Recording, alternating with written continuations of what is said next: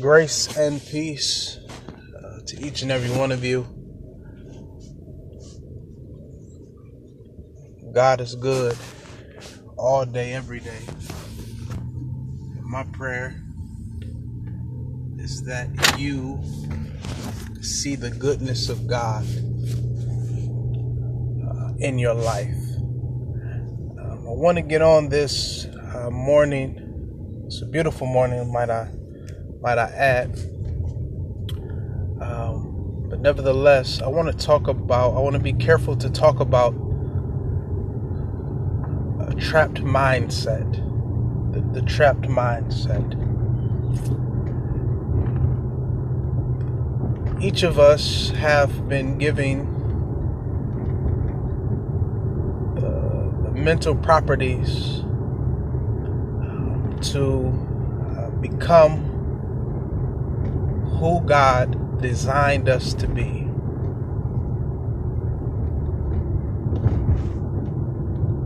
God did not make a mistake when He created you.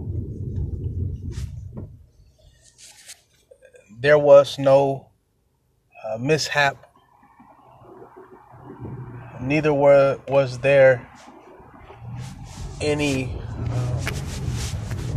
uh, abrupt delays when God made you what I want to challenge you about is the reality of don't allow your mindset um, to get into a place of contentment, complacency, where you allow your mindset to get stuck when God wants your mindset to continue to grow. That's for anybody who may be uh, struggling with completing a task or goal. God made you to be, to continue to grow and uh, not to get into a place where you get trapped or you get stuck. And the reason um, I, I'm, I want to touch on this is because the Apostle Paul encourages Rome in the 12th chapter. He says, Be ye renewed, be ye transformed by the renewing of your mind. Be ye transformed by the renewing of your mind, which lets us know that there is two mindsets that one is to have that we start off with this one mindset of who we think we are. it is the mindset that suggests uh, a selfish, egotistical ways that this is who I think I am. But there is another mindset that shifts us from who we think we are to the mindset that calls us and challenges us and commands us to be who God created us to be. And in order for us to get past who we think we are, we have to have the mindset of Christ. Our minds have to be um, in oneness with God if we are to see the great possibilities of who God created each of us to be in this lifetime. And I've seen this in um, different uh, cultural uh, upbringings where people have been so consumed of their environments and where they come from and how they were raised and uh, the things in which they inherently um, took on that their mindset begins to get stuck in this state of this is who I think I am, when in reality, God wants you to be more.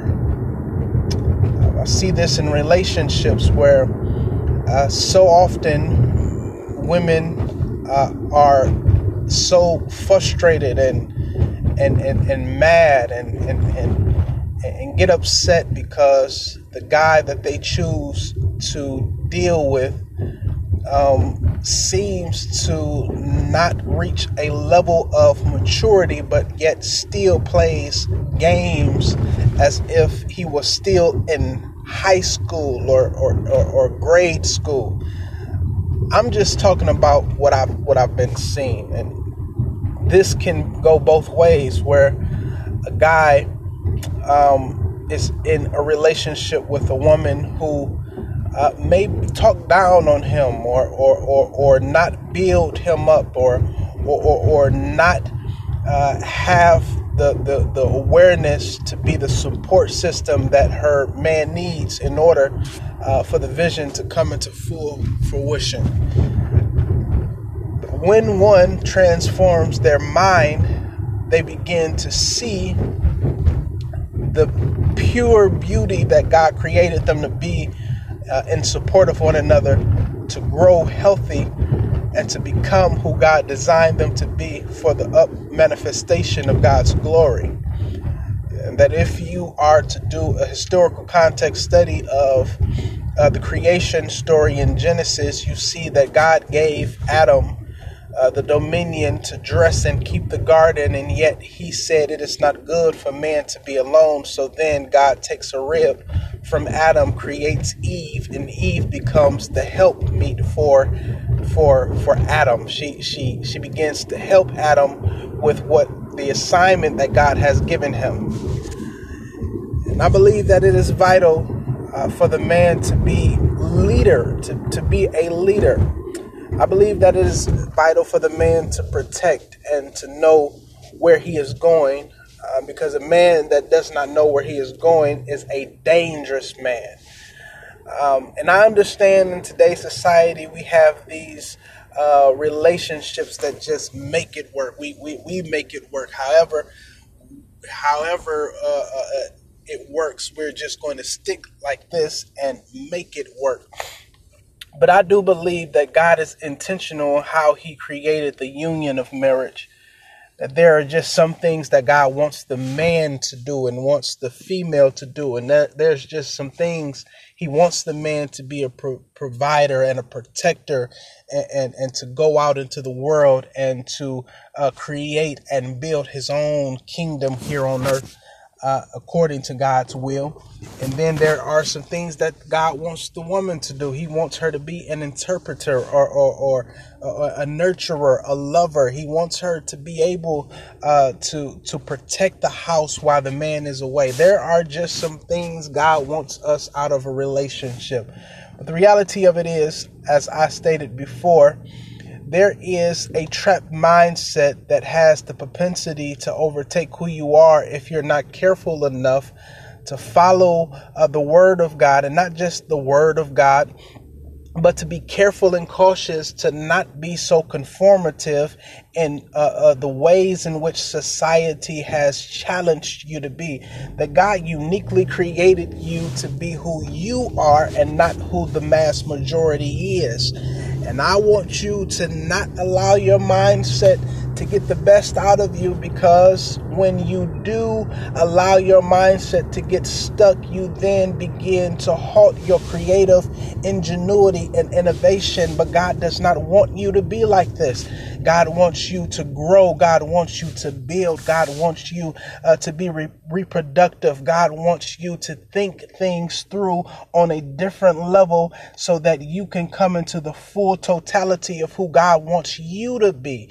And I just want to challenge you that wherever you allowed your mind to get stuck, I'm telling you, the sentence has been served. You can come out of that mental bondage. You can come out of that mental prison.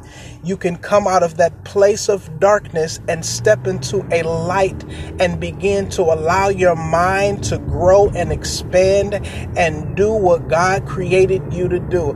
My brother, my sister, I hope this does not fall on deaf ears but I pray that this falls on fertile ground so that the seed uh, that is planted right now is manifested, and you begin to see God do tremendous things in your life. I'm just so, so proud to know that God is not done with you yet. I, I'm, I'm celebrating God on your behalf because I know that your life will never be the same because you have come into uh, the consciousness, the reality to know that you are greater than what people have told you you are. You are the head and not the tail. You are above and not beneath. You are great and not lacking. You are excellent and not mediocre. You are prosperous and not impoverished. You you are a, a smart and not dumb. I'm telling you, you got this. And with that being said, I pray that your day is shifting and that you experience God for your good. Peace and blessings. Go in light, go in love. Be blessed.